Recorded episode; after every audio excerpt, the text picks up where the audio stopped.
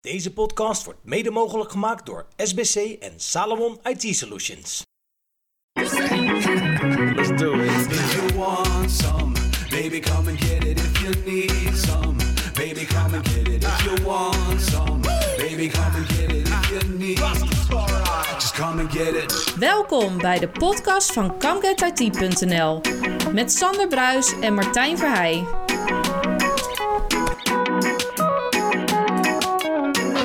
Ja, daar zitten we weer in een nieuwe Com Get IT studio aflevering. Eh, ja. 57. Zeven, eh, 57. Ik moest even spieken in aflevering 57. Jij bent zeker op vakantie geweest. Nou, ik moest echt even inkomen, want ik eh, zit er weer op de knoppies en eh, ik zit weer even te kijken zeg maar, of alles goed gaat. En, eh, Nou, we zitten vandaag in ieder geval... Het is vandaag in Rotterdam, waar we in, de- in onze gebruikelijke vanellenfabriek eh, Ja. locatie zitten wel. Het is heerlijk weer vandaag. Het is nog lekker augustus, dus nog gewoon een zomermaand. Maar eh, het, het al gezegd, eh, jij bent op vakantie geweest, dus vertel. nou, ja, ik moet zeggen, ik heb een lekker zonnig weer gehad. Dus ik heb Ja, eigenlijk er goed uit. Ja, dank je. Ik heb één buitje regen gehad. eh, en eh, daarmee, eh, en dat buitje regen, dat viel echt letterlijk na het avondeten. Ja, precies. maar. Dat is... eh, ja, avondeten is acht uur, zeg maar, Ja. van mij vakantie heb. in ieder geval niet, eh, niet gedurende de dag, maar even... Misschien, ik weet even niet meer of zeker of we het bij de vorige eh, opname ook verteld hebben, maar je bent naar Italië gegaan. Ja, ik ben naar het Gardermeer geweest. Het Precies, leuke was trouwens, ik kreeg nog een mailtje van Remco Nijkamp. Ja. Die hebben wij natuurlijk eh, eh, in de vorige aflevering gesproken. Precies, en er is nog steeds een boek weg te geven tussendoor. Precies, ook dat terzijde. Maar Remco is- was zo vriendelijk om mij even een mailtje te sturen met de Mhm. vraag... joh Martijn, ik las allemaal horrorberichten op het Gardermeer... en we hebben het toen in de podcastaflevering erover gehad. Ja, klopt ja. Hoe was het bij jou? Ja. Nou, dat is toch wel zeer lief, erkentelijk en dankbaar. En ik heb hem ook netjes even geantwoord. Maar geen zorgen, bij mij, laat ik het dan even zo stellen, eh, niks aan de hand. Nergens last van Eh, gehad. Nee, sterker nog, ik heb eh, wel eh, de schadegevalletjes gezien. Maar het was überhaupt al zeg maar voordat we vertrokken. Ah, ja, dus ja, ja. wat het geval is, valt in de vakantie dan niet meer. Nee, dat klopt inderdaad. Maar het- we hadden het inderdaad volgens mij toen over nogal grote hagelstenen. Klopt. Ja, dat, en- eh, en dat die was- heb jij niet gezien? Nee, maar Nou, nee, nee, nee. Dus Mooi ik heb er weinig last van gehad. Dus maar eh, prima vakantie gehad, lekker zonnig, lekker weertje. Als je echt mijn dochter ziet, de jongste, nou die is bruin als een malle. Ja, Die, die echt, die, die, die is die gewoon wil eigenlijk gelijk weer terug ook. Ja, nou ja, het liefst wel, ja. Snap ik. Nou, dan weet je in ieder geval voor de, waar je de volgend jaar eh, Ja, naartoe gaat.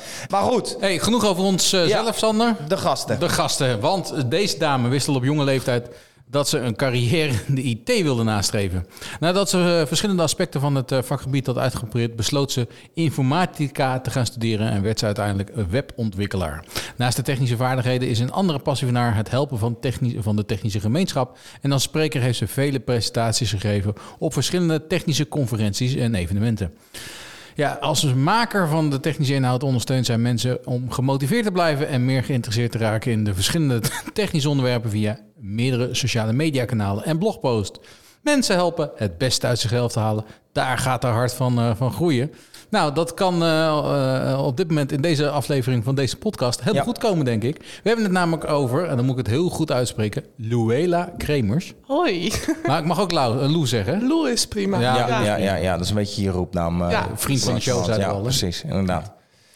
Je bent al eh, eerder te gast geweest in Zuid het Leven, maar Ja. je bent ook de jongste Microsoft MVP in de Benelux ooit. Ja, zover ik weet wel. Nog steeds? Ik eh, heb niet de statistieken bij de hand, maar zover ik weet ben ik wel de jongste van in ieder geval de Benelux. En Ja. wanneer heb je die behaald?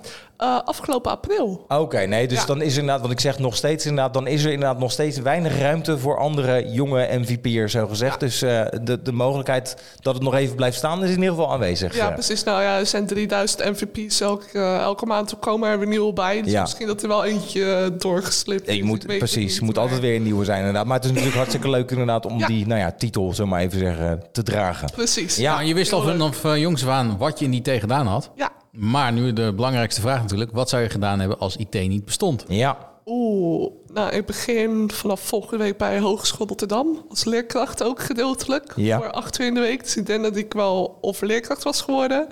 En ik ben ook heel erg gek op boeken. Ja. Ehm, ook een tijdje stage gelopen bij Bibliotheek Rotterdam. Dus ik denk dat ik of bibliothecaris of leerkracht was geworden uiteindelijk. ja, ja. ja. Nou, Ja. Daar, daar zie ik ook wel een bepaalde overlap in. Maar dat, eh, is dat inderdaad ook nog iets wat je dan aan je nou ja, huidige werk, wat je bent nog in opleiding volgens mij ook, als ik het goed heb? Je- bij- Een weekje, nog een, ja, ja, je zit inderdaad aan het einde, want je, inderdaad, je gaat je scriptie geloof ik ook. Je Ja. gaat een beetje lopen hard van stapel. Maar het- ik kan me wel voorstellen inderdaad dat je daar, want je zit nog in het onderwijs. Dus, eh, en dat is volgens mij ook, als ik me goed, we hebben het het voorgesprek over gehad, Doe je ook op dit moment mensen ondersteunen of eh, medeleerlingen? Vooral online. Ja, Ja, de maar goed. opleiding is nu zo goed als afgerond. Dus Ja. er zijn hier echt meer studenten die om te helpen. Ja. Eh, dus ik stap over naar Hogeschool Rotterdam om daar de eerste en de tweedejaars studenten te helpen. Leuk. Ja, Ja. ik vind van wel Te, echt te helpen of ga je echt opleiding geven? echt opleiding geven. Ik ben echt docent. Dus, Oh, echt docent? Ja. Dus de kans dat je misschien ook daar uiteindelijk, hè, want je bent nog je staat natuurlijk aan het begin van je carrière. Ja. Dus de kans inderdaad bestaat gewoon dat je daar nog gewoon nou ja, eindigt, om het zo maar even te Ja, zeggen. het zou dat, kunnen. Precies, Voor alle mogelijkheden. Is het, eh, is het acht uur in de week. En eh, Ja, ja. misschien nou ja. dat het ooit fulltime wordt. Of misschien dat ik ermee stop. Of ja, Precies. ik heb geen idee. Op zijn allerminste ervaring steek je op een gegeven moment natuurlijk gewoon in je rugzak eh, Ja, en neem je weer mee. Nee, precies. Voordat we verder gaan, Sander, eh, ja, kom ik toch uit op de quizvraag. Ja, zullen we hem al doen? Ja hoor. Nee, prima. Heel goed. Ehm, want nou ja, zo, misschien niet heel geheel verrassend is programmeren niet onze moedertaal. Nee, wij worden ook bijgeleerd in deze aflevering. Precies. Maar ben ik gaan kijken van, nou ja, wat, wat kan ik dan eh, daarover vinden? En ehm, een van de dingen is die, maar daar komen we zo maar op terug, dat Ada Lovelace, als ik het goed heb, de eerste programmeur van deze wereld was. In, acht, in de nou ja, begin 19e eeuw. Daar had ik het een en het ander over kunnen vragen. Maar ik denk op een gegeven moment laat ik het gewoon terugbrengen naar waar de programmeertaal, waar alles in opgeslagen wordt. Dat zijn natuurlijk bytes en bits. Want Nulletjes en eentjes, toch? Precies, want ook de, de code is daar natuurlijk van afhankelijk. En een byte, zoals jullie weten, is een binaire eenheid van informatie, zoals dat heet. Die de kleinst, eh, of zoals dat heet, de kleinst rechtstreeks adresseerbare eenheid waarin informatie opgeslagen kan worden. Ja. De de facto standaard, al een tijdje, van een byte is dat een byte bestaat uit 8 bits. Dat weten jullie waarschijnlijk ook allebei. Tot de jaren 60, want natuurlijk computers hebben, hè, net zoals programmeren, een bepaalde eh, eh, ontwikkeling doorgemaakt, was die standaard er nog niet. En dat geldt natuurlijk wel voor meer dingen, maar natuurlijk ook voor de byte in dit geval. Dus de vraag is, kunnen jullie één of misschien twee standaarden die daarvoor gehanteerd werden, die dus inmiddels vervangen zijn door de nieuwe standaard, die afhankelijk waren ook eh, op dat moment die zijn gevormd door de hardwareplatformen waar ze mee werkten en ook nog niet gestandaardiseerd waren, want het was hè, natuurlijk een pionierswerk. Maar de vraag is dus simpel, weten jullie één of misschien meerdere standaarden die voor de 8-bit, wat een byte is, standaard werd gehanteerd? Goed. Komen we dan aan het einde van de uitzending terug. Je bereidt hem goed voor. Even, en dan laat ik één hint geven. Dat was natuurlijk nog niet heel erg veel toen de tijd. Ik bedoel, we hebben het over de jaren 60, waarin opslagmogelijkheden natuurlijk heel beperkt waren. Dus denk niet aan duizenden bytes of, of denk aan hele kleine, kleine getallen. Dat Goed. wil ik er in ieder geval meegeven. We gaan even googlen. Lijkt me een plan. Hey, wat, eh, we, hebben het gaan, we gaan het over code hebben, maar eh, in deze aflevering. Maar wat verstaan we eigenlijk onder code? Ja, Ja, want het kan dat, alle kanten eh, op gaan. Want wat echt Sandra zegt, eh, ja, gaan. PowerShell, maar waar hou jij precies. met name mee bezig? Eh, .NET is C-Sharp, dus dat is de taal of de framework die begonnen is door Microsoft.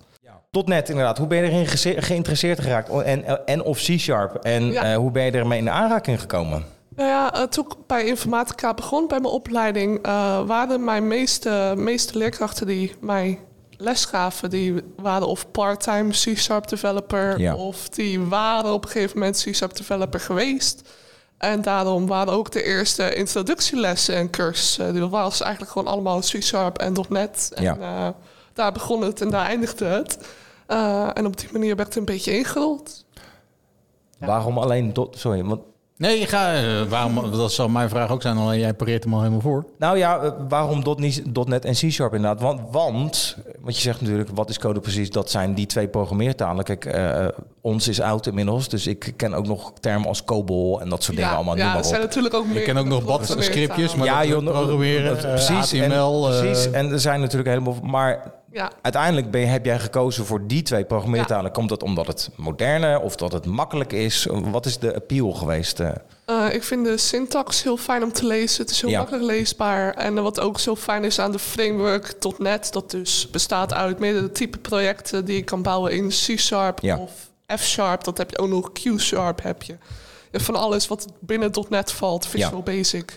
Eh, je kan er eigenlijk van alles mee doen. Je kan er webapplicaties mee maken, zowel de voorkant als de achterkant. Ja. Je kan er mobiele apps mee maken. Je kan er games mee maken. Je kan er API's, dus meer de achterkant of het, het middleware van je website kan je ermee bouwen. Ja, Eh, je kan er eigenlijk van alles mee doen. Machine learning zelfs, als je dat zou willen. Dus Maar jij dat zegt- maakt het heel makkelijk. Zodat je gewoon vastzit aan één taal... en je niet constant hoeft de content, de context switchen. Maar, maar jij zegt eigenlijk, Ja. eh, ehm, het leest voor mij heel makkelijk. Ja, Nou, als ik sommige applicaties opentrek en dan kijk naar een stukje code, leest Ja. dit voor mij niet makkelijk. Nee, nee, dat had wat ik dus inderdaad ook met PowerShell heb. een- Inderdaad. Maar een hashtagje inzet met een opmerking erbij, maar... eh, maar Nou- op een gegeven moment wen je er natuurlijk aan. Ja, en de ene syntax, als je COBOL bijvoorbeeld vergelijkt met C-Sharp... dan is Ja. C-Sharp veel makkelijker te lezen. Omdat Ja. het gewoon veel minimalistischer is dan bijvoorbeeld oudere zoals... nou, jij noemt het al C-sharp. Ja. Ik, ik las het altijd als C-hashtag. Dus Nee, het is Ja. C-Sharp. Ja, ja. En afgeleide van C is dat geloof ik toch Ja. uiteindelijk. En dat is al een wat oudere Ja. programmeertaal uit de jaren 80 Ja. geloof ik. maar waarom Ja, bijvoorbeeld Geen, geen Python of zo? Eh, ja, precies. Python had ook gekund. Ik vind Python ook heel hartstikke fijn om mee te werken. Maar ik heb dan toch het gevoel dat je gelimiteerd wordt in wat je kan doen. Aangezien Python vooral wordt gebruikt voor machine learning. Ja. En eh, als je er een API mee wil bouwen of een, eh, een webapplicatie of een mobiele applicatie, eh, good luck. Ja, ja, ja, dat ja. gaat hem niet worden. Ja, je hebt ook nog JavaScript, dat is ook heel divers, maar dan vind ik de taal wat minder gestructureerd. Dus, maar het is natuurlijk op tot eh, persoonlijke mening wat je fijn Zeker. vindt. Ja, Eh, het is niet voor niks als je zoveel verschillende programmeertalen hebt. Ehm, iedereen vindt wel wat anders fijn om mee te werken. Dus Java, JavaScript, Go, Python, eh, C-Sharp. Ja, je hebt nog veel meer. Ik kan wel doorgaan voor dagen. maar- Nee, tuurlijk. Maar, maar ik kan me wel voorstellen dat er op een gegeven moment... Hè, we hebben het net over standaardisatie gehad. Eh, kijk, wij kennen gewoon natuurlijk .NET en Ja. C-Sharp als, Ja. als termen. Ja. Ik kan me wel voorstellen dat er een standaardisatie heeft plaatsgevonden... of misschien zelfs nog plaatsvindt, want dat, dat weet je echt beter dan mij. Ja. Waar dus inderdaad die twee programmeertalen... want even dat die twee programmeertalen inderdaad... of waar jij mee werkt in ieder Ja. geval... op zijn minst het meest gebruikt worden. Of is dat ook niet zo? In Nederland zie je vooral drie grote talen in Ja. grote bedrijven. Dat is C-Sharp, Ja. PHP Ja, ja, ja. en Java. Ja, ja, dat ja, zijn echt de drie grote spelers. En als je dan vooral kijkt naar Microsoft companies of Microsoft partners, Ja. die gaan dan vooral voor C-Sharp, aangezien het natuurlijk van Microsoft is. Ja. Maar er zijn ook heel veel bedrijven die gaan voor PHP en er zijn ook heel veel bedrijven die gaan voor Java. Ja, ja, ja. En ehm, begrijp ik je nou goed dat eh, zonder eh, .NET C-Sharp niet bestaat of andersom? Of heeft dat, wat dat betreft, is dat, kan je dat überhaupt niet zo zeggen? .NET is een soort van huis. Waar Ja. dan verschillende projecten in staan. Bijvoorbeeld een API, een mobiele app, een Ja. webapplicatie. Eh, dat zijn zeg maar een soort van de ruimtes, ruimtes in je huis. Ja, En dan als je ruimte hebt, zoals bijvoorbeeld een woonkamer... dan kan je zelf kiezen, oké, ga ik er een eikenhouten eh, tafel inzetten... of ga ik er een glazen tafel inzetten? Mhm. Ja. En dan kan je dus kiezen tussen C-Sharp, F-Sharp... ehm, Visual Basic, wat ja, je ja ook die, kennen we natuurlijk nog wel inderdaad. eh. Ehm, die, die zit ook nog steeds in het .NET pakket. Ja. Dus eh, ja, zonder huis kan je natuurlijk geen meubels neerzetten. Nee. Nee, precies. precies. Ja. Maar het is, eh, je kan dus niet, wat je noemt PHP en Java, die kan je niet op die manier toepassen Nee. in. Nee, precies. Nee. Het is wel, die relatie is Ja. wel gewoon onontbeerlijk, eh, zo Ja. gezegd. Ja, ja, precies. Dus inderdaad, eh, de, het, het, ehm, eh, je zou kunnen zeggen, .NET is het framework. Ja, het is het framework. Dat eigenlijk ook, hè? Het .NET .NET framework. Ja. framework. Ja. God. Moest je vroeger. Altijd mee, mee installeren, hè? Moest je altijd, als een van de eerste ging, werd die bijna geïnstalleerd op je PC. Nou, inderdaad, ja, precies. Zonder dat je eigenlijk wist wat het was. Maar het zal wel, inderdaad. .NET 3.5. Ja, Ja. je moet naar 4.0. Oh. Oh ja, prima. Goed, jongen. Hè? En, en trots dat we waren. Nou, goed. Ja. Moet Hey, ik maar- wel ja? wat bij zeggen, voordat Oh. ik hele boze gezichten krijg. Ja, ja. .NET Framework, Ja. .NET. Ah, ja, ja. Eh, Oké. .NET Framework, dat gebruikten we vroeger. Dat, dat kon alleen op Windows draaien, Ja. heel lokaal. En, Windows? eh, Windows, Ja. Windows, ja, Windows. en dan heb je .NET, dat was voorheen .NET Core. En dat is eh, multiple OS's. En Mhm. Ja, dat ja, ja, eh, Veel oké. vrijer gebruiken. Is ook open source. Eh Ja. .NET Framework was dat niet, zover ik weet. Nou, dat was eigenlijk een van de vragen. Kijk, ik wil naartoe wat, hoe jij het toepast. Maar dan inderdaad, Ja. je zegt dat al. Dus alle, die, die is, laat, laat ik het zo zeggen. De vraag die we hadden genoteerd is alle moderne code open source. Ja, niet per se, denk ik. Want Maar in ieder geval de meest gebruikte waar we het over hebben Ja. dan. Laat ik het zo zeggen. Ja, .NET is in ieder geval open source. Ja. Maar ook de PHP en de Java's eh, waar je het over hebt, zover je Oeh, weet? dat, dat weet ik niet zeker eigenlijk. Eh, er worden natuurlijk wel libraries bovenop Java Ja, ja. en Python en PHP geweld. Die zijn meestal wel open source. Ja, ja. Eh, wat je meestal krijgt als er een taal is en de developers zijn er niet helemaal blij mee, dan gaan ze de dingen bovenop bouwen om het Ja, makkelijker dat te geloof maken. ik heel dan graag, maken ze ja. ook heel Ja. vaak open source, zodat ze hulp kunnen krijgen van andere developers. Ja, Eh, maar ik denk dat Java zelf, het is van Oracle, dus ik, Ja, denk, ja, ik denk niet dat het geheel open source is. nee, precies. Nou ja, goed, kijk, eh, aangezien natuurlijk eh, de .NET natuurlijk ook van Microsoft is, maar Microsoft gewoon echt een, een enorm omslag in hun Ja. cultuur hebben gehad. Nou goed, jij bent de expert wat dat betreft, dus ik ga helemaal je, je meningen. Maar, Maar- maar, dan, ja, ga je gang. Nou ja, waar ik eigenlijk benieuwd naar, wel naar ben, waarom in de codeontwikkeling? We hebben toch een prachtig heel mooi andere gebieden in ons IT-vak? Ja, ik weet het. Ik hou gewoon Networking, heel veel... firewalls. Ik eh, heb netwerkbeheer gestudeerd en eh, dat is nog steeds, aangezien ik ook MBO 4 eh, stage heb gelopen als docent, dat is Ja. tot nu toe nog steeds gewoon eh, lokale servers installeren. Eh, Nou, dat wordt ook zeldzaam. Ja, maar het wordt nog steeds les ingegeven en Ja. boeken ingeschreven. En eh, heel veel tijd steekt daar, wordt daar ingestoken in de netwerkbeheer MBO-studies nog Ja. steeds. En ik was daar op een gegeven moment een beetje op uitgekeken. kwam op de service desk terecht. Ik had zoiets van, nou, dit is niet voor mij. Eh, toen heb ik op het moment service management gedaan. Dus dat is meer de projectmanagement kant van de IT. Ja, Eh kwam ik ook achter dat dat niet echt mijn ding was. Maar wat ik wel echt super leuk vond, dat waren de Python-lessen. ja, Eh, dat vond ik dan weer leuk, aangezien ik heel goed kon puzzelen. Dat ik een opdracht kreeg en dan zelf kon invullen wat ik wilde maken. En als Ja, dan aan een probleem kwam, dat ik dat zelf moest uitzoeken. En dat ik zo stap voor stap verder kwam. En toen had ik zoiets van, ja, dit is eigenlijk gewoon mijn ding. Eh, ik vind die eh, beheerlessen niet zo heel interessant. nee, maar dat snap Dus maar. dan stap ik maar over naar informatica. Ja. Het grappige is wel dat je, dus de- de- hoe je het formuleert, dat je inderdaad die puzzel oplost. Want Ja. ik denk, als ik in ieder geval voor mezelf spreek, zo benader ik ook vaak hè, de, de, de problemen die ik op moet lossen, Ja. inderdaad.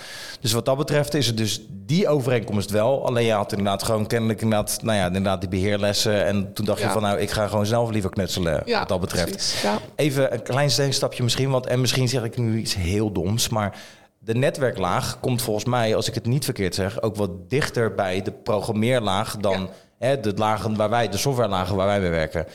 Is er dan wat dat betreft, omdat je dat misschien beter kan inschatten, omdat je er allemaal mee te maken hebt, nog wel een bepaalde overlap daarin? Of hè, omdat het allebei wel ook bijvoorbeeld op binair, eh, eh, ehm, eh, op binair rekenen leunt, noem maar wat? Oeh, dat is lastig. Eh, Het is geen domme vraag dus. het is Nou geen ja, domme ik, vraag, nou ja, goed, maar ik ja. weet niet of er, of er een kern van waarheid in zit. Nou, daarom stel ik de vraag natuurlijk ook. Maar goed, Er zit natuurlijk wel wat overlap in beide velden. Ja. Aangezien eh, heel veel programmeurs nu ook uiteindelijk meer de DevOps kant op gaan. Ja, ja, ja, Dus, ja, eh, ja. webservice opzetten Ja. en eh, met Azure werken. ja. Eh, en dat doen de netwerkkant mensen natuurlijk ook wel tot een bepaald punt. Maar om Ja. nou te zeggen dat het echt heel veel overlap met elkaar heeft... Dat zijn wel eh, gescheiden werelden het zijn wel uiteindelijk. Ja, gescheiden nee, oké, werelden, prima. ja. Maar goed, dan, dan uiteindelijk, nou ja, de, de, de, de, de prangende vraag. Hoe doe jij het op? Hoe doe jij het? op- Zo. Toepassen. Ja, heb je een eh, haal- eh, huisgestuurd automatisch huis, zeg maar, waar je alle code zelf hebt eh, opgeschreven? De vraag was dus inderdaad, hoe pas jij het toe? Ja. Ja, hoe pas ik het toe? Ehm, voor privéprojecten dan push ik het nog steeds gewoon zelf naar GitHub. Dat eh, kan gewoon via de command line. Eh, GitHub is, ik weet niet of jullie het een beetje kennen. Nee, vertel even. Neem me mee. nee, GitHub, Slash S. GitHub is een online webapplicatie. ehm, ook door Microsoft. Het is Ja. van Microsoft. En daar kan jij je code naartoe gooien. Ja. Dat noemen we pushen in, het, eh, in een programma. Ja, ja, ja, ja, ja, ja. Eh, en daar kan je dan je code opslaan. En daar kan je dan ook bepaalde functionaliteiten aan toevoegen, waardoor dat dan automatisch naar een webserver gegooid wordt. Maar je maakt- Function. Jij maakt dus webapplicaties, Ja. begrijp ik. Ja, precies. En, en zit daar dan eh, wat dat betreft nog een hele grote variatie in? Want, hè, want wij kijken naar webapplicaties. Nou goed, die, die komen we tegen inderdaad in... Nou, ik ken GitHub in hoedanigheid die zin ook wel, zeg maar. Ik heb ook een paar repositories, maar ik zet Ja. het wel als documentatie en vastlegging soms voor. Ja, nou bijvoorbeeld inderdaad, ja precies. Maar dat, eh, zit daar inderdaad dan nog een heel grote verscheidenheid in? Want het, als ik dus gewoon webapplicaties is voor mij een heel statisch ding. Maar Ja. waar, waar zit dan voor jou de verscheidenheid in? En de verschillende opdrachten of de verschillende Oeh, dingen die je... verscheidenheid. Ja. Dat is een hele goede vraag. Of is het gewoon, u vraagt wij draaien en u doet gewoon even een scriptje aftrappen en eh, Tot je een weet... bepaald punt wel. Kijk, als Ja. je een heel groot bedrijf bent met meerdere klanten en je moet constant dezelfde soort webapplicaties bouwen, Ja. dan ga je natuurlijk niet elke Nee. keer opnieuw het wiel opnieuw uitvinden. nee, dan heb je wel gewoon standaard componenten die je erin kan gooien en eh, klaar. Ja, Ehm, maar je hebt wel verschillende verschillende functionaliteiten nodig per klant. Dus ehm, het ene platform is het andere platform niet. Ik kan Nee. natuurlijk niet een, een applicatie voor een bibliotheek vergelijken met een applicatie voor een bank of iets in die geest. Nee, precies. Dus Ja. de, de variatie en de uitdaging zit hem dan inderdaad gewoon in nou, wat gewenst wordt. Inderdaad. Ja. Het, het, het, het tailor-made Ja, eh, gebeuren, precies, of principe, zo gezegd. eh. Zal ik verder gaan? En er zit natuurlijk ook een verschil qua snelheid. Je moet natuurlijk performance in de gaten houden. Ja. Dat de website niet hartstikke slow wordt, want er wil ook niemand meer gebruiken. Nee, precies. Nou, dat is dan gelijk een... Nou, dan kom ik weer op eh, ons vlak. Dan Ja. hebben we Kubernetes en eh, een blokker eh, Ja. eh, immertjes nodig. Ja, Ja, nou, dat is iets waar ik Ja. ook zelden eigenlijk mee te maken heb gehad. Maar dat is inderdaad, dat, ik kan me voorstellen, een laag inderdaad die wat meer inderdaad jouw Ja, kant op gaat. zeker. Inderdaad. Maar je gaf een, een mooi bruggetje eigenlijk ook al. Want als je dan, dan kom jij natuurlijk ook in jouw... eh, in je werk of hè, in Ja. je opleidingen gewoon slecht geprogrammeerde applicaties tegen, webapplicaties of wat dan ook. Ja. Dan zou je zeggen dat is gewoon puur doordat de mensenwerk, eh, dat mensen gewoon fout hebben gemaakt. Of zeg je van nou, er is ook wel een andere, misschien wat logischere verklaring, omdat er inderdaad een, hè, een, een gewoon een bepaalde code nog niet eh, een bepaalde functie ondersteunt. Ik noem het iets, maar gewoon dat, gewoon dat het nog niet ver genoeg is. Hoe zie je dat? Überhaupt slecht geprogrammeerde applicaties wat dat betreft. Ja, kunnen natuurlijk limieten zijn aan de code of de Ja. taal die je gebruikt. Eh kunnen natuurlijk bijvoorbeeld libraries geïnstalleerd worden of open source pakketten die dan ergens blijven rondzweven terwijl ze niet gebruikt worden Ja. of gewoon bar slecht zijn. Ja, ja. Die hebben er tussen zitten. En eh, sommige bedrijven die, die willen alleen dat hun werknemers gaan leren op het moment dat ze het nodig hebben. Dus dan, dan die actieve bijscholing die wordt niet Ja. echt gedaan. En dan Ja, krijg je natuurlijk ouderwetse of misschien wel slordige code. Ja, dus je wil zeggen, eigenlijk feitelijk inderdaad, stel dat even inderdaad, ik, nou ja, bedrijf X inderdaad ontwikkelt applicatie Y. Ja, En eh, door wat voor reden dan ook kan die applicatie niet goed onderhouden worden Ja. en of ondersteund worden. ja het kan gebeuren. Precies. Ja. Maar is dan wel in de kern dat het gewoon mensenwerk is, waardoor die inderdaad. Eh, want daar begint het toch bij, Ja. neem ik aan, nog Ja, steeds. Mensenwerk, ja, zeker. Er komen natuurlijk wel meer AI bij kijken elke keer weer. Je maakt eh, prachtige bruggetjes vandaag, want dat was de volgende vraag uiteindelijk. Want eh, kijk, Nou, AI is best wel overrated. Sorry, ga je gang. Nou, ik wil eigenlijk nog even een stapje terug, want je Ja. zei eigenlijk iets heel belangrijks. Tenminste, vond ik belangrijk. Je, eigenlijk zijn mijn bedrijven ontwikkelen nog steeds software, maar dan hebben we. Ik zie hier niet heel veel organisaties of bedrijven meer die zelfstandig nog software in huis eh, ontwikkelen voor hun, Nee, voor hun eigen meestal- organisatie. Meestal nemen nemen ze Ja. dat toch wel meer publiekelijk af, of komt het af, zeg maar. Ja, je kan natuurlijk wel kijken naar grotere internetproviders zoals KPN. Ja. En Ja, ja, ja. Die, die soort bedrijven die doen dat nog zelf. Ja. Sommige gemeentes doen het nog zelf. Eh, verzekeringen doen nog zelf. Maar als je dan kijkt naar kleinere bedrijven, zo gaan ze vaak gewoon naar een webagency of een webbureau Precies. toe. Ja.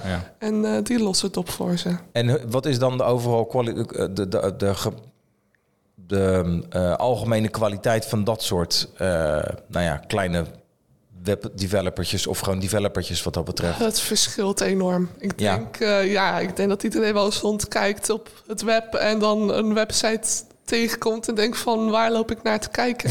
Zeker. dat kan je wel zeggen, ja. en er zitten toch echt iets van webagency bedrijven achter of Ja. misschien een lokale IT-bedrijf dat het eh, gemaakt heeft in een paar dagen of Ja, ja, die ja. geest. Nou ja, ik, Eh, ik, dus ja, het verschilt enorm. Ja, en ik heb me laten ver- nou ja, vertellen, ik heb gewoon gelezen. Laat het niet mooi maken dat het is. Je hebt je goed voorbereid. Ik heb mijn poging gedaan in ieder geval. Maar dat er dus ook een enorm chronisch tekort is aan, echt wereldwijd ook aan Ja. programmeurs. Eh, dat lijkt me inderdaad, nou je zegt gelijk al ja, kijk, eh, dat is dus een vaststaand feit. Maar hoe denk je, hoe zoiets opgelost kan worden? Dat- echt, want het is niet het meest sexy beroep als je denk ik aan de gemiddelde persoon, met alle respect natuurlijk. Maar ik denk dat als je gemiddelde, hey, op de lijnbaan vraagt van, joh, heb jij zin in een, eh, in een, eh, in een baan in de programmering, dat de meeste mensen zeggen, nou ja, Ja, maar niet. volgens mij heeft het ook te maken dat er een, een vloek over programmeren ligt. Waarbij je echt op een zwarte zolderkamer zit met alleen maar groene Ja. schermen voor je. Nou ja, dat is- en daar kom je niet vanaf, zeg maar. Bij wijze ik denk van dat je dat, dat zeker een rol speelt, En maar dat dat het maar hoe- beeld is, maar- maar hoe neem je dat weg? Ja, dat is een eh, lastige vraag. Want daar Ja. lopen we natuurlijk allemaal tegenaan. Ja. Ook als hogescholen zijnde. En eh, ja, er zijn meerdere aspecten die meespelen. Natuurlijk dat standaard beeld. idee en Ja, beeld precies, van ja. een developer. Ja, Dat, eh, terwijl als je developer bent, je kan eigenlijk overal ter wereld werken, zolang je maar een laptop hebt. Ja, Je kan ja. overal naartoe. Er zijn ook zat baankansen. Dus je hoeft Ja. je ook niet... Nou ja, je moet natuurlijk wel solliciteren. En als junior blijft het altijd lastig. Ja. Maar ehm, er zijn zat baankansen. Zeker in dat aspect. En je kan het ook zelf leren. Je hoeft niet per se naar een hogeschool of een mbo-school of iets in die Nee, geest. je kan er zelf aan beginnen. Maar eh, ja, nieuwe mensen vinden blijft altijd lastig. Maar is het ook niet de verschuiving? Want eigenlijk zei je net, hè, op, de, mbo's worden nog steeds mensen opgeleid als systeembeheerder. Ja, Hè, het, het traditioneel service installeren. eh, Ja. Nou, ik denk, Sander, dat jij en ik, eh, als ik jou aankijk, ik denk dat het voor mij zeker zes jaar, zeven jaar geleden is dat ik voor het laatste server geïnstalleerd heb. En dat ligt niet, en het ligt niet aan mijn competenties, maar dat ligt gewoon. De marktvraag is gewoon niet meer, want dan neemt het toch al snel cloud-based af. Ja, precies. Nee, maar fysieke dan. Met name fysieke. Fysieke, virtuele hè, echt server is nog voorbij gekomen, maar ik fysieke echt een server... notitietje had ik bijgehouden. eh, eh, kom ik weer. Eh, eh, eh, met welke dingetjes je moest aanpassen, zeg maar, op een servertje. De BIOS en Ja. dit en dat. Zo ging dan door. En dan eh, helemaal die BIOS updaten. En dan, eh, dan- dan kwam je uiteindelijk bij het OS uit, zeg maar. Ja, ik vertel nu dingen dat jou onbekend is misschien. maar eh, nee, maar dat, dat, hè, dus dat deed je, zeg maar. Ja. En dat wordt natuurlijk, eh, is in mijn optiek een stuk minder. En dan denk ik van, als je nu als schoolverlater bij wijze van spreken van school afgaat. En, en je bent eh, met de intentie van, joh, ik ga nu bij een bedrijf werken met tien servertjes te installeren in een week tijd.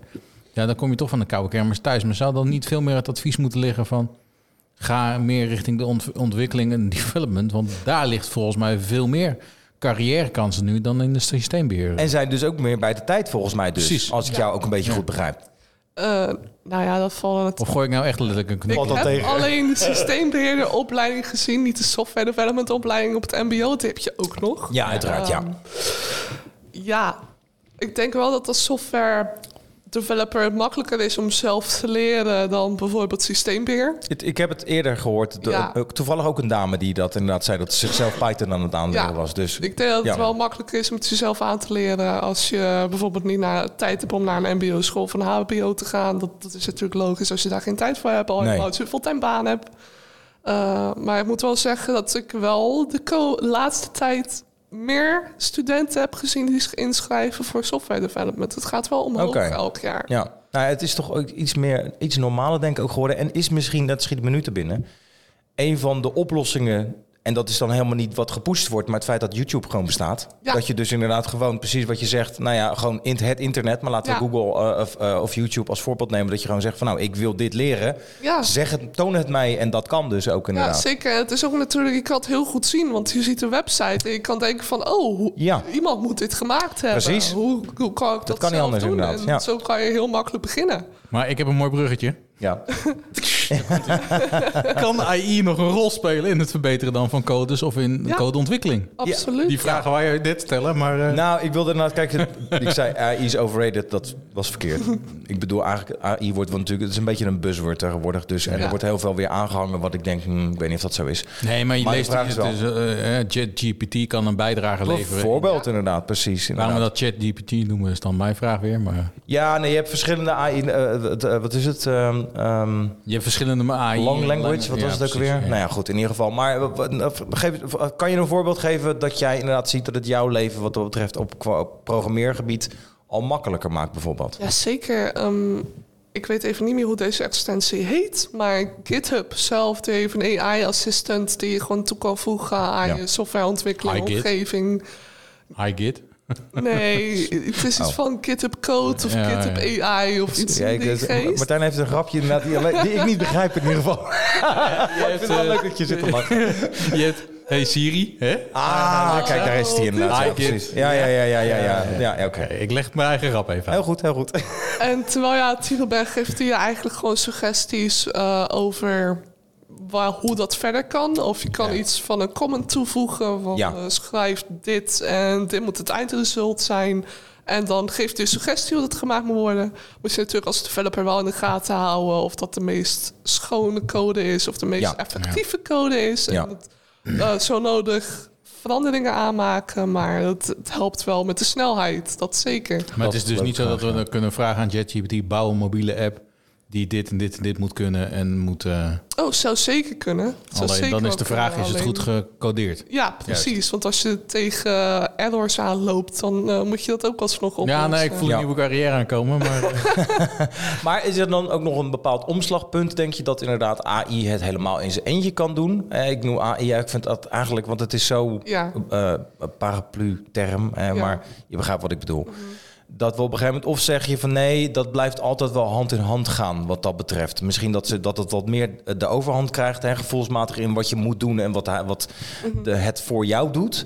Of zeg je van nee, zoals het nu is, vermag, vermoed ik wel dat het altijd zo zal blijven. Nou ja, ik geloof best dat gewoon hele basic, simpele websites... dat dat wel overgenomen kan worden door AI. Maar als je Ja. kijkt naar tailored websites voor grote klanten... of voor klanten met eh, hele lastige functionaliteiten... dat je dan wel alsnog mensenwerk eh, nodig ja, hebt. precies. Aangezien dat natuurlijk gewoon goed gebouwd moet worden, overzichtelijk gebouwd moet worden. Zoals de, als de ene developer weggaat en er is geen documentatie, dat Precies, dan eh, Ja. gewoon klaar bent. Dat, dat wil je natuurlijk ook niet. Nee, nee, nee, nee. Dus ik denk voor grotere websites of voor moeilijkere webapplicaties, dat er wel developers moeten Ja. blijven. Ja, en wat je zegt, kijk, voor die wat simpelere dingen is het natuurlijk feitelijk niet heel anders dan wat je net zei. Dat je inderdaad ook al nu een script aftra- aftrapt, bij wijze van spreken. Ja, precies. Dat, dat, dat is dan inderdaad dat je dan het, misschien een iets andere methodiek, maar hetzelfde resultaat inderdaad geautomatiseerd krijgt natuurlijk inderdaad. Hey, maar je zei het net ook al heel even, ehm, en volgens mij is dat met name de, de, de C-varianten die je noemt. De F-sharps en eh, dergelijke van deze wereld. Maar je hebt natuurlijk ook game development. Ja. Daar heb je niet voor gekozen. Nee. Terwijl volgens mij daar ook nog steeds wel een heleboel werken is. Niet zozeer in Nederland, denk ik. Maar wel internationaal. Nou ja, dat zei je net ook over, gewoon over normaal programmeren Ja. natuurlijk. Maar waarom heb je daar niet voor gekozen? Nou, ten eerste, ik ben niet echt een gamer. Ah, dat, dat scheelt al een hele hoop. Ja, dat, dat, ja, dat helpt. Ja. ten tweede, inderdaad, in Nederland is er niet zoveel veel werkkans. Nee, dat klopt. En als ik dan kijk naar de vrienden of de andere developers die in Amerika wonen en Ja. dan voor grote game studios werken, zoals Blizzard of Ubisoft of ja, iets, ja. Die, die worden heel goed betaald, maar ze hebben ook enorm veel druk qua tijd. Ze Ja. moeten echt heel veel deliverables opleveren. Ja, de crunch time, eh, heel ja. veel crunch time. Ja. En ik, ik zou daar niet tegen kunnen. Dat, Want jij hebt, als ik het zo zeg, kijk, ik neem aan dat je natuurlijk gewoon eh, heel veel vrijheid kan nemen, inderdaad. Want jij, aan jou wordt gevraagd, nou ja, je moet dit opleveren, heeft een heel sec gezegd. Dus je kan inderdaad in bij wijze van spreken in de avonduren Ja. of. hè, heb je wel, eh, is vergelijkbaar dat je inderdaad wel eenzelfde druk hebt? Of eh, heb je, en dat is een klein zijstapje natuurlijk, maar heb jij inderdaad het gevoel op dit moment dat je, wat dat betreft, je gewoon lekker je ding kan doen en dus helemaal niet hoeft te conformeren aan inderdaad werktijden, wat dat betreft ook. Nou ja, het ligt er natuurlijk aan hoe vol je sprint zit. Ja. Ehm, en dan als je een goede manager hebt, dan wordt dat ook gewoon goed geregeld met realistische eh eindgoals. Ja. Realistische tijd besteden. Ja, ja, ja. Ehm, maar ik heb op het moment wel het gevoel dat ik gewoon rustig aan het werk kan. En dat ik niet echt stress heb van oké, dit moet binnen deze onrealistische tijd. Nee, je kwam ook niet met een sprint hier binnen, moet ik zeggen. Dat, eh, Nee, dat klopt inderdaad. Nee, maar het is inderdaad door die, die, die enorm, sorry, dat enorme tekort Ja. aan programmeurs is dus niet zo inderdaad dat er extra druk bij jou komt te liggen, gevoelsmatig in ieder geval. Voor mij niet. Nee, Nee. precies. En eh, als je het dan hebt met je vrienden inderdaad die bij eh, Blizzard, Ubisoft eh, en dergelijke werken, zijn er dan nog wel op technisch gebied dingen waar je het dan ook voor kan hebben, inderdaad over jullie gemeenschappelijke programmeertaal of afgeleide daarvan?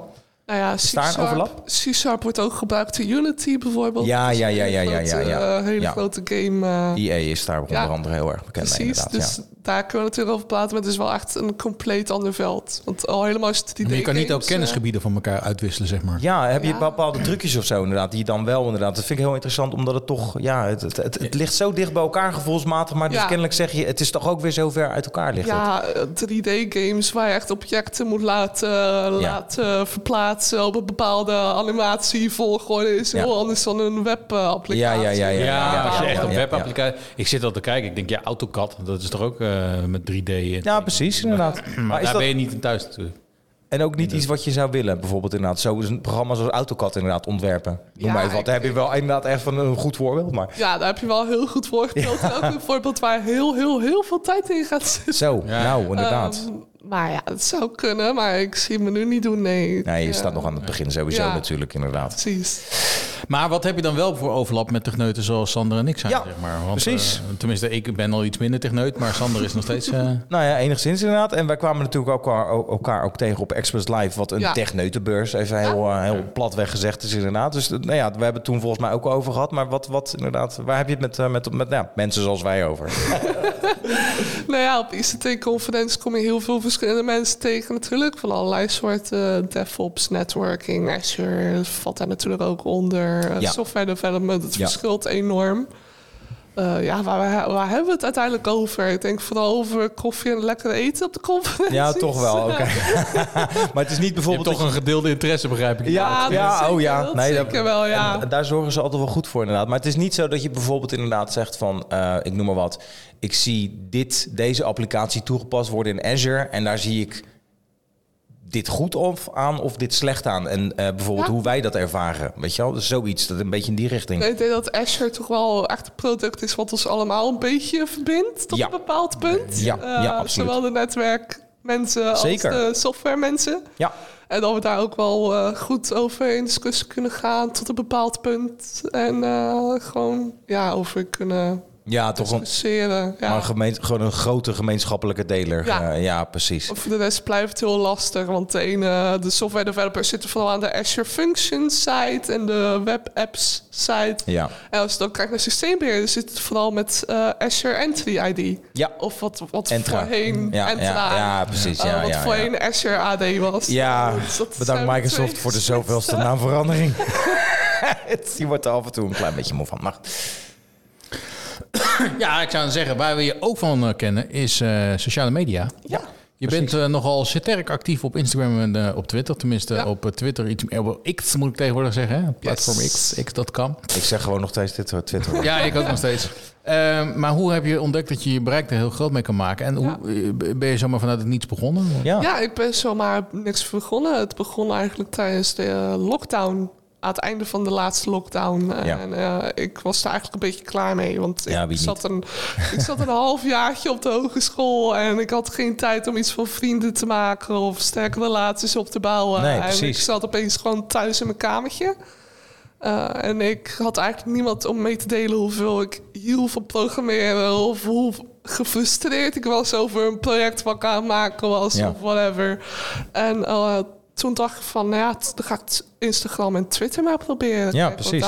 Kijken of daar wat nog te code eh, te programmeren valt. Ja, En dat is gebleken dus. daar wat energie van andere mensen Ja. op kan steken. Wat inspiratie Ja. of iets in die geest. Ja, want je En bent ook in een korte tijd dan ook heel snel gegroeid. Ja, Ja, ik denk dat ik nu twee jaar op Twitter zit. Dus eh 30.000 volgers. kijk, dat bedoel ik. Dus, Nou, ik, eh, dat, daar, daar, ik, zit, nou, ik zit er nog geen twee jaar op, maar ik, ik mag hopen dat ik eh, 30.000 volgers inderdaad. Dus Ja. die sneeuwbal, sneeuwbal is echt enorm gaan rollen inderdaad. Eh, Maar de, je profileert je dus ook, eh, dat heb je volgens mij ook met Expert Live gezegd, als, de, nou ja, als een coderende content creator. Ja.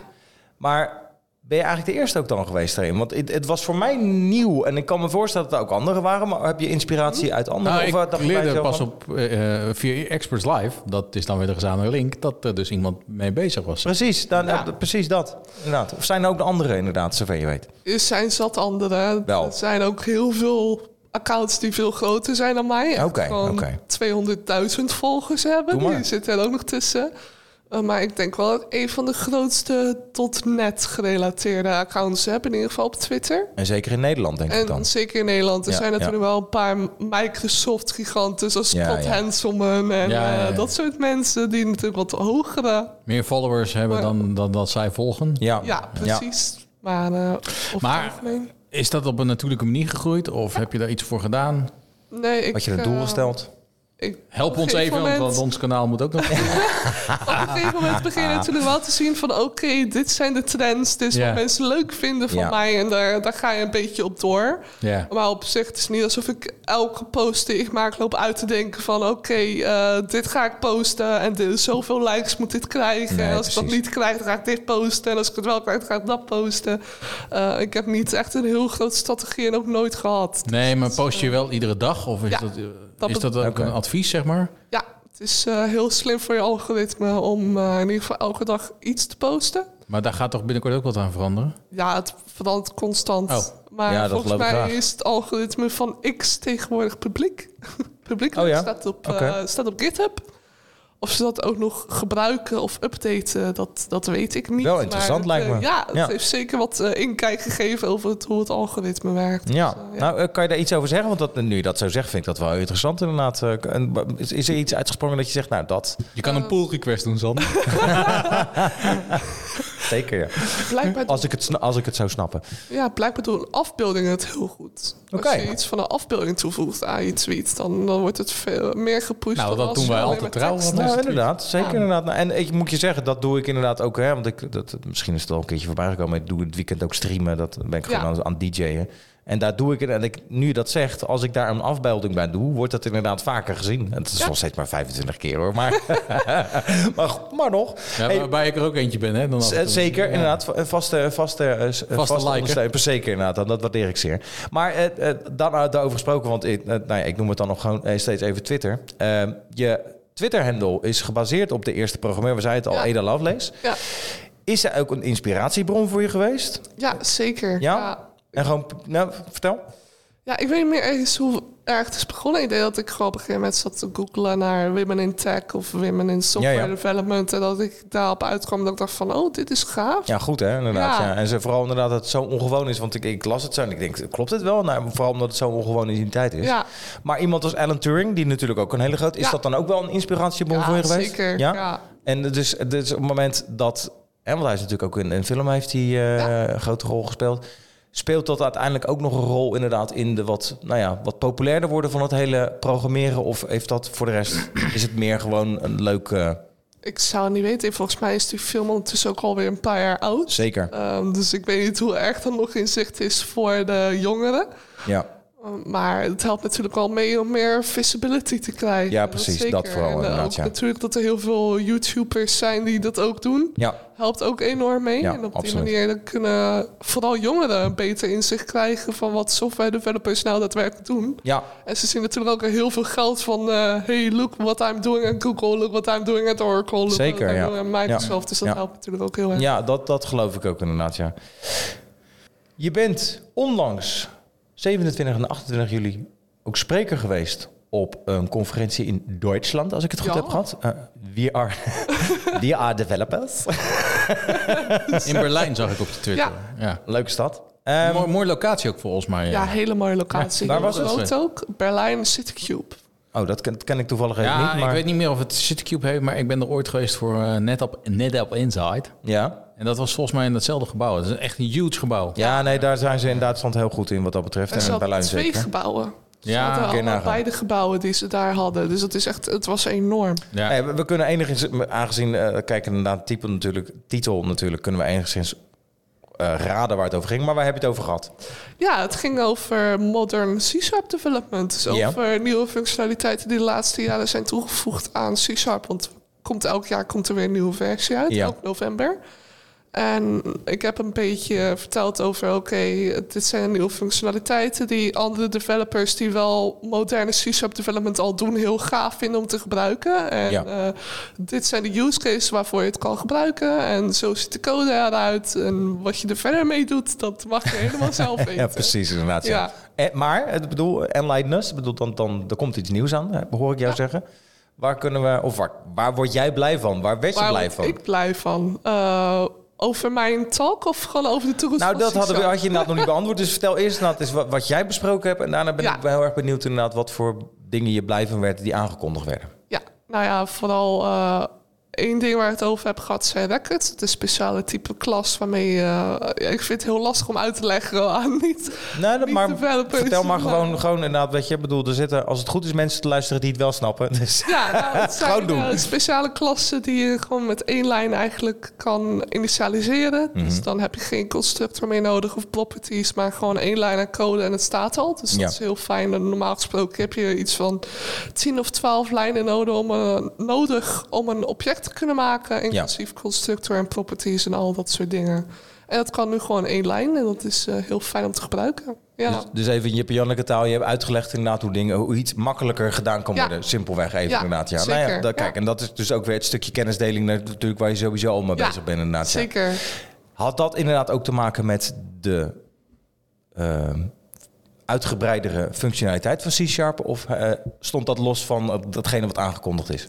Dat staat los van hetgene wat aangekondigd is. Aangezien ik wel... Het, ik heb het gehad over de dingen die de afgelopen Ja, ja, ja, jaren ja. Uitge, uitgebracht zijn. En nou ja, dat is natuurlijk geen toekomstbeeld. Nee, precies. Nee, precies. Maar, maar dan ben ik wel benieuwd inderdaad van wat is er dan aangekondigd waarvan jij zegt van nou, daar, daar wordt mijn leven of mijn werk in ieder geval makkelijker van.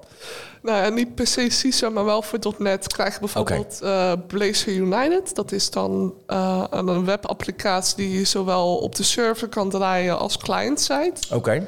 Eh, dat is heel fijn om te gebruiken, aangezien je soms moet switchen. Dat, het is heel lastig wederom om uit te leggen Ik, ik moet aan. Power BI server en client denken. Ja. Zit het daar een beetje in die Ja, richting? Oké. Ja, oké, ga verder. Ehm, dus eh, ja, daar, daar kijk ik heel erg naar uit. En eh tot met Maui, dat is het project waar we mobiele applicaties mee maken. Ik hoor je Wordt zeggen weer verder uitgebreid, dus dat is ook heel leuk. .NET Maui. Ja, Dat is uh, pikant in deze. ja het is eh, op dit moment heel pikant. Ik denk niet, het is, Is dit on fire, zou ik willen zeggen? Het, het heeft hot reload. Ja, nou, nou ik, eh, ik, eh, Juist, ik juist. zie inderdaad echt een enorme, enorme haakjes. We nemen voor, dit eh, keer op een zwarte woensdag. grappen. Maar je Ja, zou zeggen dat het bijna vrijdag is. Ja, inderdaad, ja. Nee, maar dat vond ik wel heel eh, typisch. Maar, maar goed, Ja. eh, dus ga verder, sorry. Ja, dat hebben ze drie jaar geleden uitgekozen. en is nu wel hebben ze misschien een beetje spijt van, maar dat, dat Ja. weet ik niet. Eh, Ach ja. Ja, ze zijn goed in naamsveranderingen. Ja, Ja, misschien, Nou, eh, zeker inderdaad, ja. Het is nog de projectnaam op dit moment sowieso. Ja. Dat scheelt. Ja. Nou, oké dan. Eh, ja, voor de rest, de, ik weet het niet zo goed. Ik ehm, loop vooral gewoon rond te kijken wat er aankomt. Ja. En eh, ik zie wel het moment dat november komt om Ja. echt daadwerkelijk in depth te gaan kijken van oké, wat is er nou toegevoegd? Ja, ja, ja, ja, ja. Nee, want het, het- ik heb ook gelezen dat .NET 8 release, nou ja, ik wil zeggen aanstaande is, maar dat Ja. is pas in 2026. Als Nou, ik- in 2026 loopt de support af. Ah, Het komt, oké. eh, wel in november uit en dan kan je het Oké. gebruiken tot 2000 2026. ah, oké, dan Eh, heb ik het dan even is verkeerd. support afgelopen. Oké, dus Ja. oké, nou, maar- dan is dat neem ik aan. En is dat ook in de eh, beurs naar voren gekomen of is dat? Nee, dat, eh, ik heb het wel even aangekaart van oké, als je wil weten over de toekomst, Ja. eh, kijk even op de Microsoft documentatie. Eh, dit zijn wat YouTube kanalen die heel handig zijn. En spreek je dat dan nog meer aan als grote release dan inderdaad extra functionaliteit in C-Sharp? Omdat het natuurlijk het huis is waar je het over had, Ja. waar dus alle gereedschappen in, in, in, in eh, opgeborgen worden. Nou ja, leuk aan .NET 8 dat in november aankomt, is dat de longtime support versie is. En Ja. de longtime support eh, ehm, functionaliteit betekent vooral dat er heel veel functionaliteiten bij komen. Ja, Eh, want je hebt ook .NET 9, dat komt volgend jaar uit. Dat is weer short-term support. Dus dan kan je verwachten dat het meer bug oplossen zijn. ja, Eh, ja, ja, ja, ja. performance eh, oplossingen zijn en niet Snap daadwerkelijk veel nieuwe functionaliteiten. En, en ze, kan Dan ik kun je het, ook een beetje door elkaar heen gebruiken als... eh, Ja, als je dat zou willen wel. Als Ja, je precies. een project wil draaien, de ene in .NET 8 en de andere in .NET 6, dan dat zou dat kunnen. ja, ja, ja, ja, ja. Ja. En is het simpelweg zo dat inderdaad de nieuwe functionaliteiten bijvoorbeeld al voor zorgen dat, ik noem maar wat, inderdaad een webapplicatie, maar überhaupt een applicatie ook, e- ook weer extra functies krijgt of extra Ja. functionaliteiten? Zo simpel is het uiteindelijk Ja, dan moet inderdaad. je natuurlijk wel zelf erbij bouwen. Uiteraard. Het gaat niet vanzelf. Nee, maar, je eh, krijgt wel de mogelijkheden om dat te doen ja. en toe te passen op Ja, je kan gewoon upgraden en dan eh, Ja, ja. nieuwe functionaliteiten toevoegen als die er zijn naar jouw interesse. Ja. Nou ja, en dat maakt het dus wel interessant en ook naar de toekomst kijken. Dus, dus dat de, nou ja, in mijn ogen natuurlijke verloop en evolutie van wat dan ook, maar in dit geval software, dus wat Ja. dat betreft ook zichtbaar ook blijft eh, voortgaan natuurlijk inderdaad, ja. Voor .NET is het elk jaar, elk jaar een nieuwe versie. En ook voor C-Sharp. Nou, dat, ja, vind dit, Ja. logisch zou je bijna zeggen, maar ik vind het ook heel interessant om te zien dus dat er dus zo snel nog steeds daar ook, Ja. eh, nou ja, ontwikkeling of zo'n snelle Ja. ontwikkeling in zit. En de inderdaad. ene .NET developer die is gek op dat er elk jaar weer een nieuwe versie uitkomt. En de andere vindt het te snel. Dat eh, verschilt echt aan. Ja, maar je- zo kan je niet. ik herken het, maar dan Ja. zit ik in de Apple-hoek. zeg maar. Ja, precies. Nee, dat, wat dat betreft kan je niemand, eh, even- nooit iedereen tevreden houden. Eh, volgens mij zijn we er aan toe, of niet, eh, Sander? Naar de envelopvragen. De envelopvragen. Die bedoel ik. Nou is het alleen dat ik vandaag de enveloppen ben vergeten. Het is de eerste keer, is de eerste keer. Maar Maar dat geeft niet, maar dan leggen we toch even uit. Want Ja. normaal gesproken hebben we dus eh, briefjes eh, gestopt in een envelop. Ja, en ik heb nu alleen de briefjes. Kritische vragen in. Vragen die we eigenlijk zelf niet durven te stellen, maar denken van... Hm, Nee. Je mag ze zelf uitkiezen, een beetje prikkelbaar. En eh, daar hebben we de drie van eh, nu in dit geval op een papiertje afgedrukt. Ja. En eh, gaan we je aanbieden. Maar die mag je nog steeds kiezen inderdaad Ja. uit drie verschillende. Dus ik zeg, ga je gang. En eh, Spannend, ik neem de je bovenste. neemt de bovenste inderdaad. En ik zou zeggen, lees hem hardop voor. En we zijn benieuwd naar je antwoord. Als ik een beginnende programmeur één ding kan meegeven, dan is het... Puntje, puntje, puntje. Ik denk dat het is om in ieder geval in het openbaar dingen te gaan bouwen. Dus Ja. online. Om dingen te delen die je aan het bouwen bent. En eh, de frustrerende dingen en de leuke dingen eraan. Ja. En op die, moment, op die manier kan je ook heel goed eh, feedback krijgen. En ook nieuwe connecties opbouwen. Leuk. En op het moment als jij bijvoorbeeld een mbo-student of een hbo-student bent... en je bent afgestudeerd, dan heb je als het goed is een heel groot of aardig groot netwerk... Ja. eh, waar je er goed mee kan beginnen op het moment dat je op zoek bent naar een baan. Maar begint het dan niet dan eh, heel praktisch gezegd ook bij het kiezen van de taal? Ja, eigenlijk ook. Ja, dat, dat, eh, ja, nee, dat is waar je eigenlijk Ja. feitelijk mee begon. Kies een standaard waarmee je het meeste wil eh mee ja, dat is zeker ook nog een ding. Dat, dat- ik zou Nou. zeggen dat je dat dan al kiest voordat je begint met programmeren. Ja, Want precies. Dan ben je eigenlijk nog geen programmeur Nee, tussen haakjes. Nee. Ehm, Maar hou jezelf en sluit jezelf niet op in dat spreekwoordelijke zondekamertje wat je inderdaad al eerder Ja, zei. Inderdaad, eh, precies. sla je tentakels, inderdaad, misschien een beetje een verkeerd woord, maar eh, eh, go, and, go out and meet the world, al is het Ja. maar virtueel. precies. En, dan, En- en daarna kun je nog de vraag stellen, wat, wat is de definitie van programmeur? Hè? Is dat iemand die afgestudeerd is of iemand die gewoon heel verstandig kan omgaan met code? Ik zou zeggen dat laatste. Ja, het ligt er net aan aan wie je het vraagt. De Ja. ene vindt al als je een HTML-pagina ergens hebt draaien... dat het eruit ziet alsof het in de jaren 90 gebouwd is... dat je dan al developer of programmeur bent. En de Ja. andere die vindt het pas als je vijf jaar werkt en een HBO-papiertje hebt. Ja, Ja, Ja, ja, precies. ja. Er net aan. En natuurlijk wil ik er ook nog bij zeggen dat het niet uitmaakt voor welke programmeertaal je gaat in het begin. Je zit er niet aan vast. Nee, precies. Eh, als jij later denkt van oké, al mijn vrienden die doen Python en ik ben C-sharp, maar ik wil toch Python proberen en ik blijf uiteindelijk daarin plakken, dan is het ook prima. Ja, Natuurlijk, maar ja, toch zit er wel een bepaalde eenheid in, denk Ja. ik toch? Ja. Maar ik denk verstandig om niet weer voor basic te kiezen of eh, iets. eh, Nee, dat, eh, ik zou wel, als je er uiteindelijk een baan in wil hebben, een taal doen die een beetje in de markt ligt. modern inderdaad. Ja. Ja. precies. ja, dan kom ik toch op de quizvraag uit, Sander. Ja, en die zal ik nog En even ik heb hem niet gegoogeld. Nou, dus dat vind ik eh, heel fijn inderdaad, want ik had er geen tijd voor. Nee, nee, en ik pak even mijn leesbril er weer goed bij dat ik het goed kan lezen. Want opa wordt oud, jongens. Heel goed, heel goed. Nee, want we gingen het hebben over een byte, wat dus een binaire eenheid is voor het opslaan van informatie. En zoals dat heet, de kleinst rechtstreeks adresseerbare eenheid, waarin informatie opgeslagen wordt. En de de facto standaard tegenwoordig is dat een byte uit 8 bits bestaat. En de vraag was dus, tot de jaren 60 was er nog geen standaard. En welke andere standaarden, mede afhankelijk van de hardwareplatformen waarop gewerkt werd, of waarmee, waarmee gewerkt werd, welke standaarden werden nog meer gehanteerd? Dus eigenlijk hoeveel bytes zaten er vroeger in een byte? Of bits, sorry, hoeveel bits zaten er vroeger ook in een byte? Roept u maar. Ja, ik zou zeggen... En ik, eh, nogmaals, het zijn er echt weinig. ik zou zeggen vier. Ik ga er nog lager zitten, twee. Jullie hebben het allebei goed.